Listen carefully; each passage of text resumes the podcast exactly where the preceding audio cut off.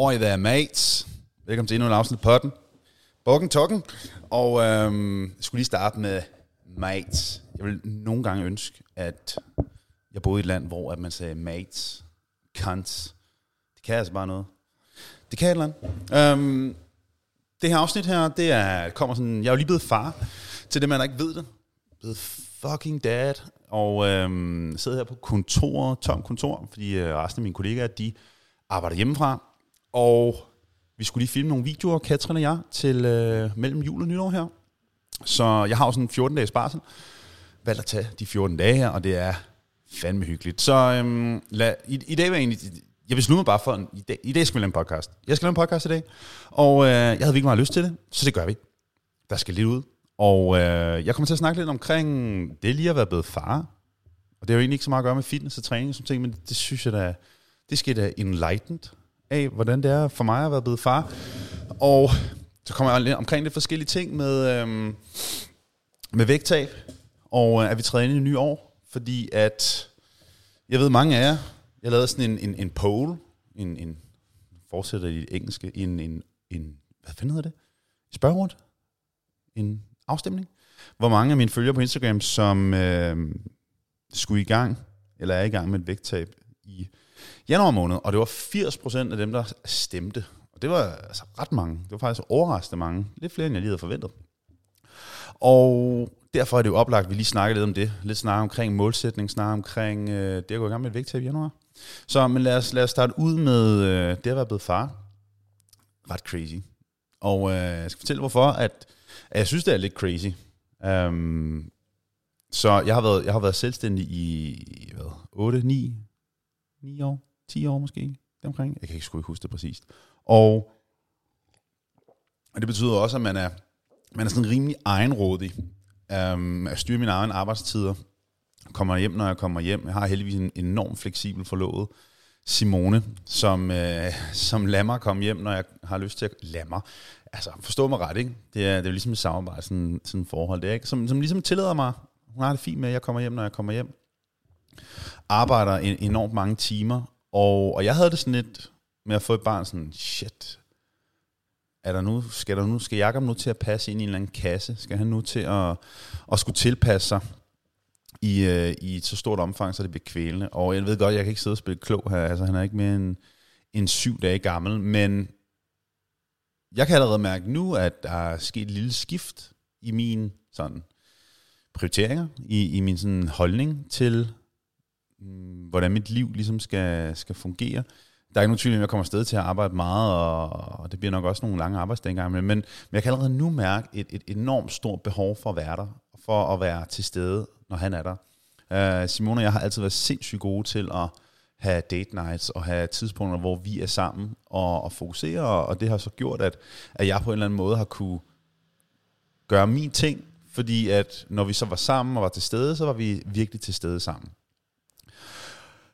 Og så nu her med at være blevet far for en vanvittig syv dage. Og bare det hospitalet, hele oplevelsen der, altså det var fantastisk. Det var, altså at ligge der hus på hospitalet øh, med lille Tristan og Simone, det i sig selv var bare en unik oplevelse. Jeg tror også, det blev forstærket af, at det, at det var julemåneden. Og ligesom julen, familietid, nærvær, kærlighed. Altså jeg elsker jul. Elsker, elsker jul. Og det, det, det gør sgu bare et eller andet. Men nej, hvor fik jeg brugt mange penge i 7-Eleven? Til dem, der ikke ved det, så øhm, på det hospital, hvor at han blev født, det var ride, og de har også noget hospitalsmad. Jeg var faktisk ikke over, jeg var lige hurtig at kigge forbi, og det var sgu ikke lige min kop te, det der sådan en gang hospitalsmad, man kunne købe sådan noget kantinemad. Men der var en 7-Eleven, der var åben, døgnåben. Og nej, det er dyrt, og nej, hvor var jeg meget dernede. Man skal have noget mad, og Simone skal have noget mad skulle have noget at, køre på, ikke? Og jeg brugte noget på, hvor lang tid var vi der? Halvanden døgn. Noget at bruge 2.000 kroner på ting dernede. Det er jo helt vanvittigt. Det er jo helt sindssygt. Altså. Og der var selvfølgelig også noget mad, vi ikke endte med at spise, for jeg hver gang gik derned, skal sætte mig sørge for, at Simone hun får det, hun har brug for. Altså jeg køber en småkage, jeg køber en, noget sodavand, jeg køber alle de ting, som hun ønsker sig, så hun kan få præcis de ting, hun gerne vil have.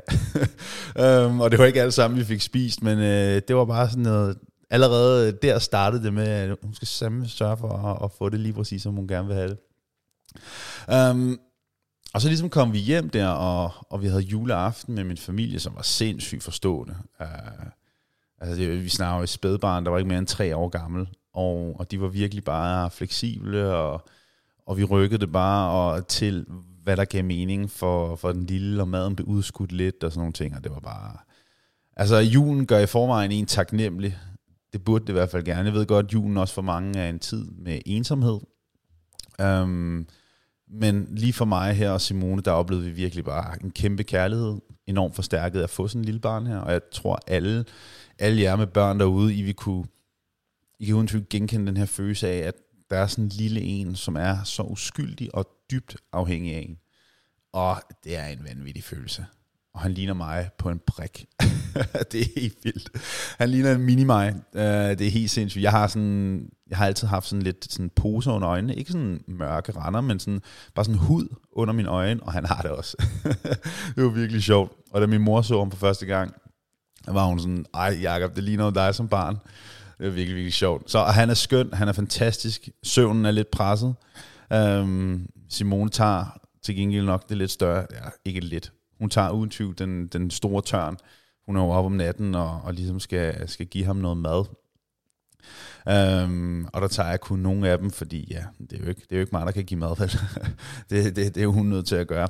Så, men det er, det, det, det er fandme hyggeligt. Jeg havde faktisk ikke forventet, at jeg ville hygge mig i min bar, så jeg havde ikke forventet, at jeg ville synes, det var fedt at, at nyde det egentlig. Jeg havde måske forventet, at jeg ville nyde de første par dage, øh, ligesom en weekend, men så derefter ville jeg egentlig tænke, okay, nu vil jeg gerne tilbage nu vil jeg gerne tilbage til min rutine. Men, øh, men jeg nyder det faktisk rigtig meget, og jeg synes virkelig, det er dejligt. Der er, man får virkelig snakket sammen, vi får hygget, vi får slappet af, vi får nyt den her lille, lille person, der er kommet ind i vores familie, og, og den kærlighed, der er der, og det er det, jeg skulle sige til før, som jer, der har børn, kan genkende. Den her kærlighed for det her lille menneske her. Man kan ikke beskrive det sådan, det er, det er sådan helt naturligt. Altså, man er helt naturligt klar til at ofre hvad som helst for den her lille her.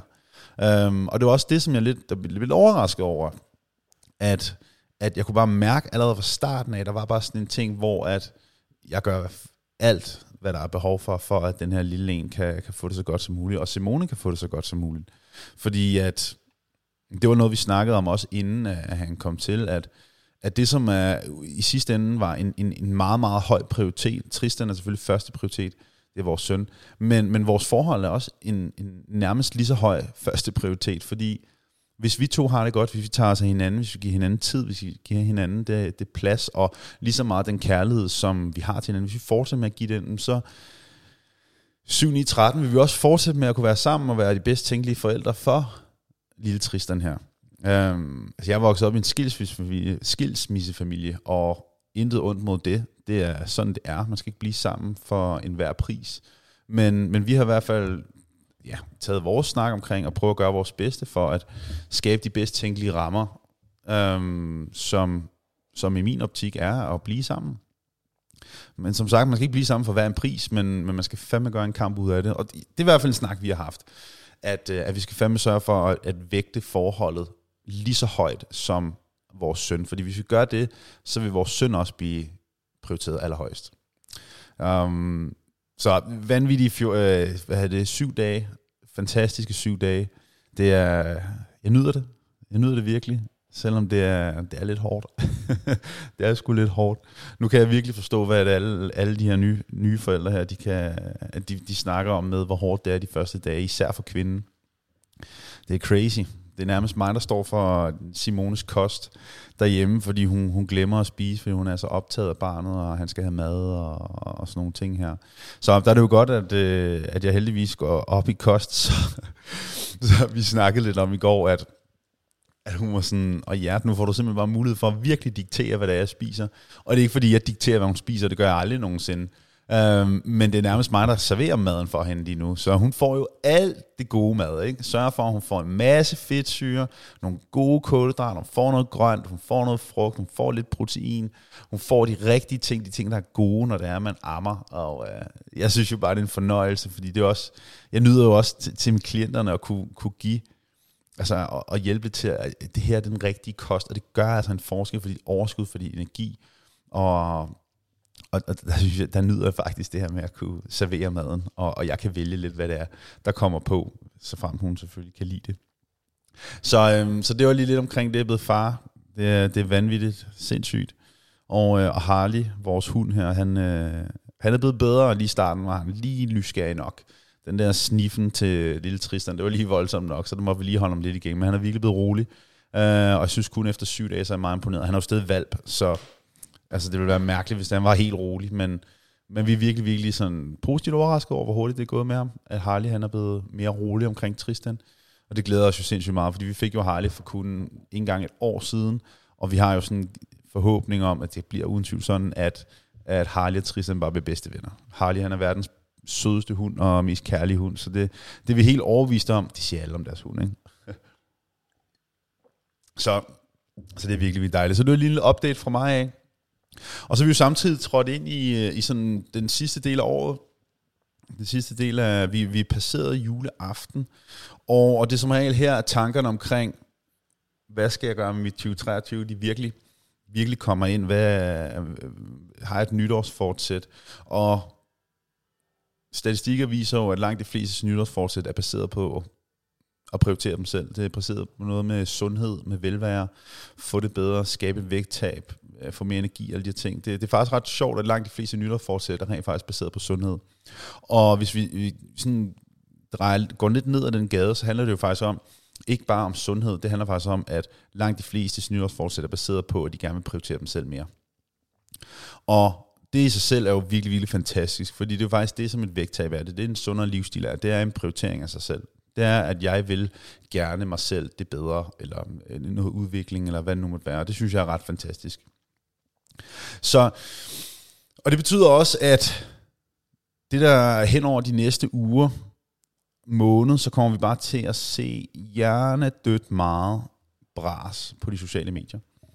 Vi kommer til at se rigtig mange challenges, som er dybt urealistiske, som beder dig om at opfordre folk til at fjerne sukker, fjerne kulhydrater, fjerne alkohol, øh, dyrke for store, sindssygt store mængder motion, gør en masse ting, som folk ikke kan i sidste ende holde alligevel.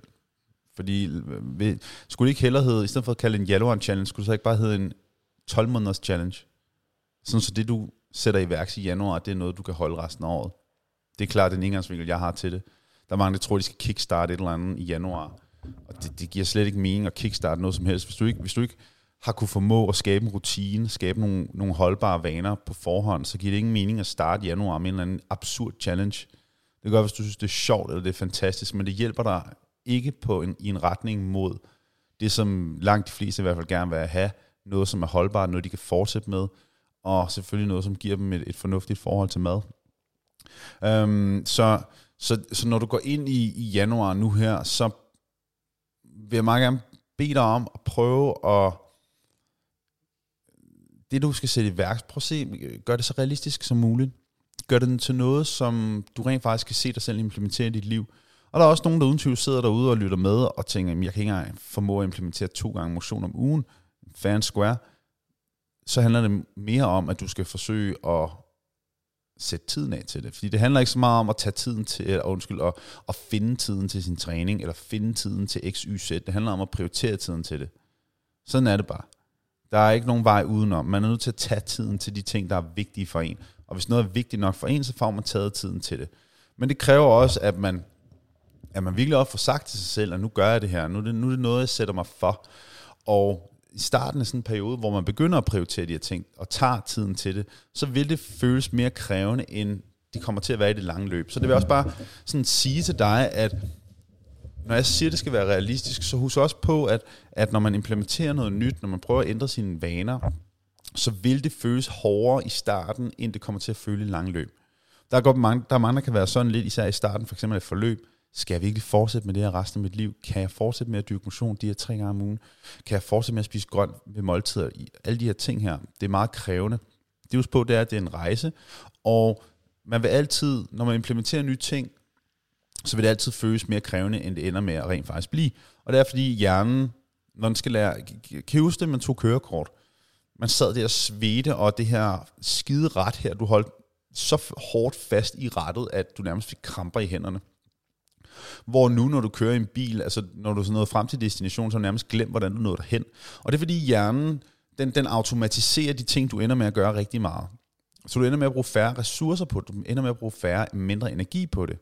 Og det er fordi hjernen har to systemer, det automatiske system, og så det lidt mere manuelle system. Og hvis der sidder nogle hjerneeksperter derude, så må I gerne rette mig, men, men jeg er ret overbevist om, det er sådan, det hænger sammen. Så det automatiske system er de ting, vi har gentaget rigtig meget. Det er de ting, vi har rutineret rigtig meget, som vi kender til. Og hvor man godt ikke kan glemme, at man rent faktisk gør det. At Det simpelthen bare, det kører bare derud af.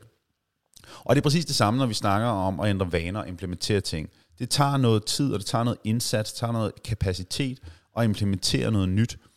Men have i mente, at det vil altid, hvis du gentager de ting, så vil det blive nemmere, det vil blive automatiseret, og det vil nærmest bare ende med at ligge på ryggraden. Men det kræver også, at man gentager det. kræver, at man fortsætter, fortsætter, fortsætter, fortsætter. Og det er jo så også lige så meget derfor, at det ikke giver mening at starte på noget, som er langt væk fra den måde, du godt kunne tænke dig at leve på. Så får du ikke automatiseret de ting, som du skal lære. Så start ud fornuftigt, start ud med noget, som er realistisk, noget, som giver mening for dig. Fordi vi, har, vi mennesker har en tendens til at, at overvurdere, hvad vi kan nå på kort tid, men vi har en, også en lige stor tendens til at undervurdere, hvad vi kan nå på lang tid. Mange af de billeder, jeg for eksempel lægger op med klienter, der får jeg sådan, hold da kæft, hvor er der sket meget, hvor er det vildt. Og der, de har så, så ofte været i forløb i 6 måneder, et år, halvanden år, og folk var sådan, damn, der er sket virkelig meget. Ja, fordi der, det er sket hen over lang, lang tid. Det er ikke sket over kort tid. Fordi vi undervurderer virkelig, hvor meget vi kan nå på lang tid, men vi er nødt til at fortsætte, vi er nødt til at, at, at, at, at gentage de her ting her. Så sørg for, at du er realistisk med din målsætning. Hvis du har en, en, en drøm om at tabe 10 kilo for eksempel, gå efter et vægttab på 300-500 gram om ugen. Det kan godt være, at det ikke lyder meget, men når det hober sig op, så bliver det til meget. Fordi det er det her med, at du skal kunne fortsætte med det. Hvis du starter ud med en eller anden mega striks kur, øh, og nu bruger jeg ud af kur, ordet kur, netop fordi, at det er, hvad det er. En kur, hvis det er, den fjerner en masse ting, som du godt kan lide, som du nyder, som du godt vil have i dit liv, jamen så er det, så er det en kur, så er det et midlertidigt fix, men det er ikke en langvarig løsning. Øhm, og det giver dig måske et meget hurtigt vægttab i starten, men det er også noget, du ikke kan fortsætte med. Og så er der nogen, der tænker, jamen kan jeg ikke bare starte med det, og så gå over på noget mere realistisk bagefter. Det kan man potentielt, og det er der også nogle mennesker, der vil kunne. Men rigtig mange mennesker kan det ikke. Det er derfor, at langt de fleste nytårsforsæt, de fejler, fordi folk de går ind med fuld magasin med alle geværene for at sætte 100% ind fra starten af. Og hellere starte, og det er der, hvor det er langt bedre at starte lidt mindre. Skab noget, start med noget, som er realistisk, noget, som du kan få til at fungere. Noget, som du også kan overholde, når det bliver svært, når dagligdagen træder ind. Fordi i januar, så er vi topmotiveret undskyld, når vi rammer februar, så daler motivation, fordi vi kan ikke overholde det. 30 dage, puha, det var nok. Når vi rammer marts, så har 80-90% af alle nytårsfortsæt, de er allerede fejlet. Det er jo sindssygt, ikke? Så start realistisk, få lært dig selv de her ting her, fordi det vi er nødt til at huske på, det er, det er ikke bare et spørgsmål om at gøre x, y, z, det er et spørgsmål om at lære at gøre de her ting, og lære at fortsætte det. Det er en proces, og man er nødt til at fokusere på den proces, der er, og fokusere på at lære de rigtige ting, for at kunne nå i mål. Og kunne lære at balancere det her med mad, og kunne lære at, at spise en sneakers uden at spise 15 sneakers, og kunne lære at tage en, en dessert uden at tage en fylde hele tallerkenen op, og kunne lære at spise aftensmad på en restaurant eller, på, eller hos nogle venner, uden at tage fem tallerkener, og bare tage en tallerken, som du kontrollerer, som du har styr på, hvor du har det godt med det, og hvor du bliver mæt og fyldt op og tilfreds. Så i forhold til, hvor hurtigt man skal tabe sig, i bund og grund er der ikke nogen sådan fast mængde vægttab, som er det bedste for alle. Det er også meget øh, en smagsag. For der er altså nogen, der godt kan tabe sig 700 gram til et kilo om ugen øh, på en super realistisk måde. Det er der altså absolut. Men sigt hellere efter lidt mindre. Fordi så snart du kommer i gang med det, hvis du så oplever, kæft, det her det er nemt. Det er jo det, vi gerne, vi gerne skal have frem. Du skal bare tænke, det her det er fucking nemt. Der var en, der kommenterede på, øh, på livestream i går, jeg livestreamer hver tirsdag kl. 8 på Facebook, der, der kommenterede, at hun har været i gang i 14 dage, og hun var overrasket over, hvor nemt det var, og hvor, altså, hvor dejligt det var at sætte i gang. Hvis du har det efter blot 14 dage, efter en måned, hvis det er nemt, jamen, og du tænker, jamen jeg vil sgu gerne have lidt mere fart på, så kan man jo egentlig bare sætte lidt mere fart på. Men du ved, du har allerede fået en succesoplevelse med det der, så tidligt i processen. Tænk, hvis du kan få den succesoplevelse så tidligt i processen, og du rent faktisk har mulighed for at skrue op for farten, fordi du har så meget tro på, at det jeg kan lade sig gøre. Når vi snakker om det her med nemlig at tro på, at det kan lade sig gøre. Der er jo, altså hvis man tror på, at noget kan lade sig gøre, hvis man tror på noget, oddsene for, at det bliver sådan, er betydeligt større. Og det er jo også en, en stor del af vores arbejde som coaches, det er at sikre, at prøve at give folk en, en følelse af, at du kan altså få succes med det her. Du får succes med det her. For hvis, hvis vi, vi kan give dig den følelse, så er vi rigtig, rigtig langt. Der var en, øh, jeg kan ikke huske de præcise tal, men man lavede en undersøgelse, hvor at, eller forskede, jeg ved ikke, hvad man kalder det, hvor man gav to testgrupper. Den ene testgruppe lavede man, øh, gav man en injektion, man fik en, det var en vaccine, eller det var noget medicin eller en art, og den her gruppe her fik det, de fik ikke andet end det, det var bare sådan, de fik det. Placebo-gruppen fik, som sagt, et placebo-produkt.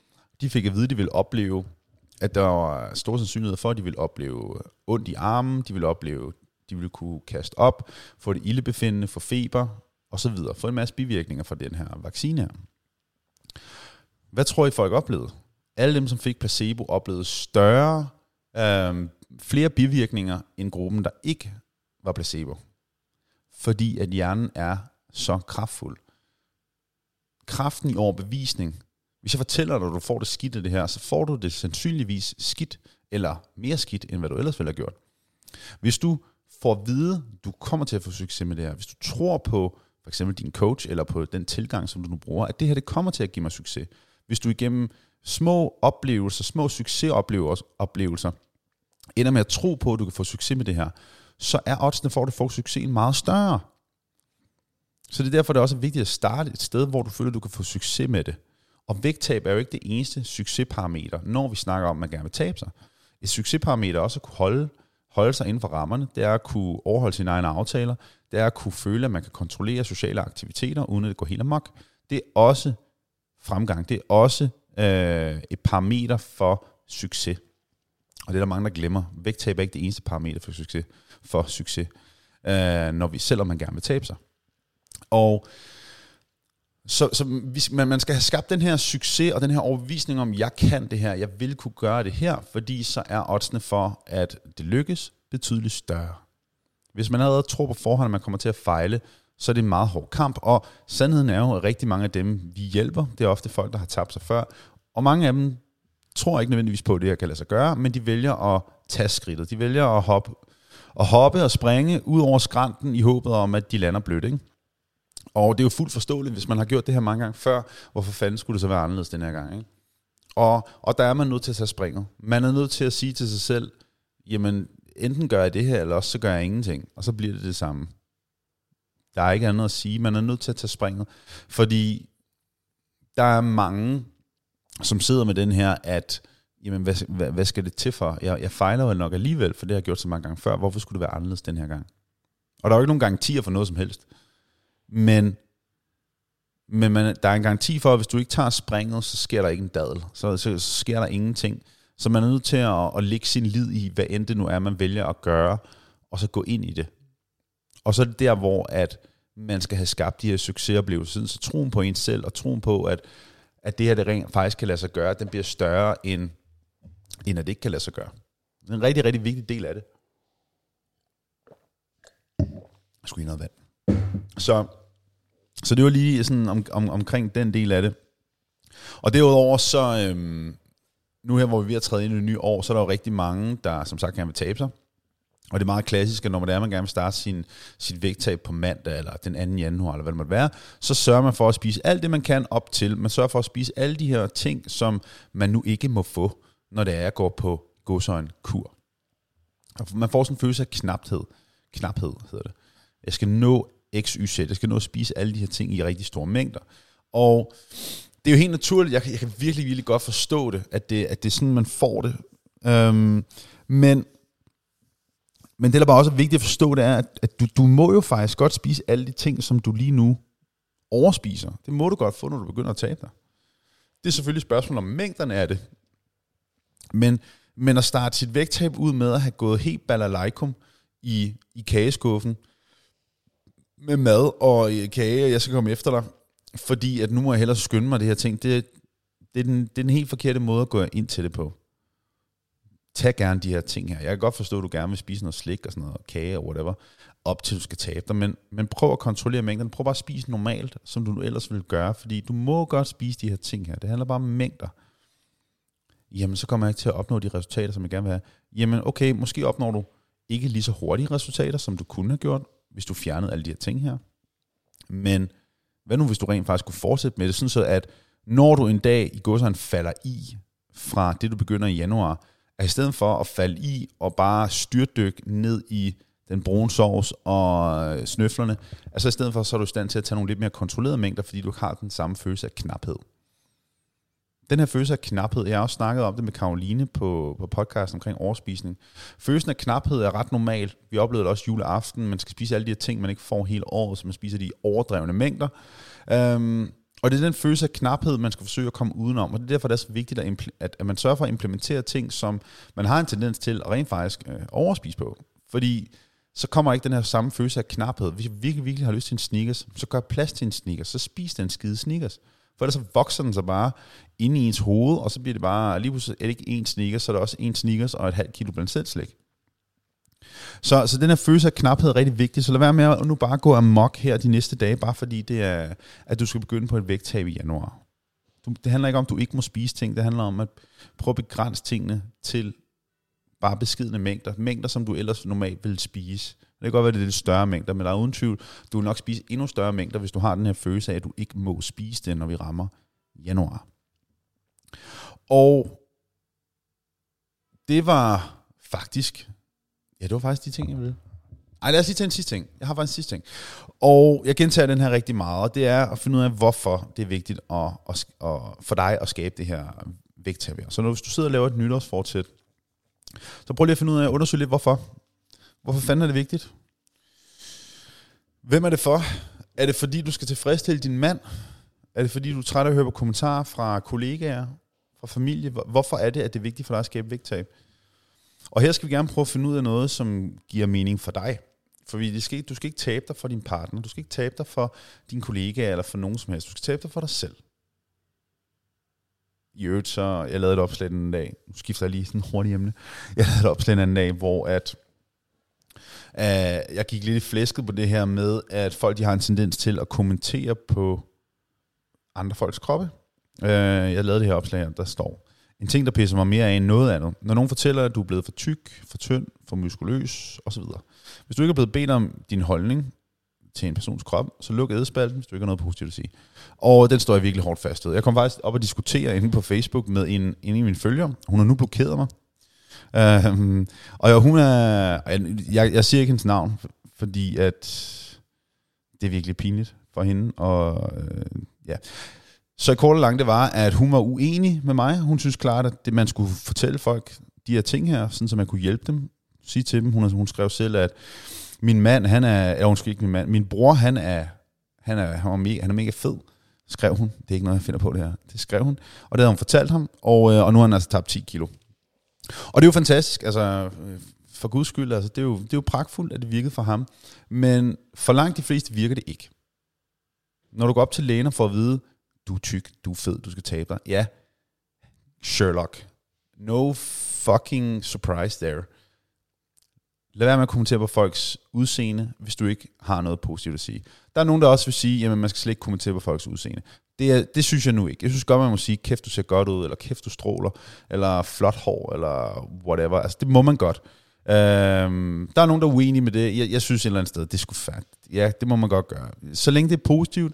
Øhm, jeg ved også godt, der kan være den anden side af det, hvor man siger, øh, ej, hvor er det pænt, du har tabt dig. Det er samtidig med også en sviner til, at hold kæft, du var fed før. Så jeg kan godt se pointen der. Så vi skal i hvert fald passe på med at kommentere på folks kroppe i forhold til deres vægt, i forhold til, hvor meget fedt de har på kroppen. Øhm, den, den er jeg helt med på. Og, nå, men tilbage til hende her. Øh, så skrev jeg til hende, at øh, jamen, det var da fantastisk, hendes bror havde tabt de her 10 kilo, men det er altså ikke noget, der fungerer for langt de fleste mennesker. Du kan ikke, du kan ikke bede folk om, at... Du kan ikke sige til folk, at de er fede, og de burde tabe sig, i, i troen om, at det rent faktisk skulle være produktivt for dem. Sådan hænger verden fucking ikke sammen. Um, og så skrev jeg til hende, vil du også sige til en... Fordi hun, det var faktisk på et opslag, hvor at hende her, en, en af vores klienter hun har tabt sig, hun har kommenteret, øh, flot, godt gået, men pas nu på, at du ikke bliver for tynd. Det er heller ikke godt. Og så skrev jeg tilbage, øh, blandt andet, vil du også skrive det til en person, som havde taget på, øh, at pas nu på, at du ikke bliver for tyk. Og så skrev hun, ja, det ville hun absolut. Og så hele fortællingen om hendes bror. Og så, så jeg kunne ikke lade være, fordi jeg, jeg, er sådan, jeg bliver så provokeret over sådan noget der, fordi det er så fucking usympatisk. Så skrev jeg tilbage, at øh, okay, jamen, det var da flot gået af din bror, men langt de fleste mennesker tager det ikke særlig positivt. Det er, det er ret hårdt at få at vide, at man er for tyk, eller man er for tynd. Øh, og man burde generelt ikke forsøge at få andre folk til at passe ind i ens egne rammer. Jeg har også fået at vide, at så var jeg blevet for stor, altså for muskuløs, og så lige pludselig er jeg blevet for, for sådan hakket, altså fået for lav fedtprocent. Jeg ved godt, det er noget, nogle af jer måske ikke kan relatere til, men, men jeg siger det bare, at det opstår altså, uanset hvordan man ser ud. Så har folk en, en, en fucking kommentar til, hvordan man, de synes, man burde se ud. Ah, nu skal du lige passe på, ikke? nu bliver du lidt for seriøs, nu bliver det lidt for vildt. Og folk skal bare lukke røven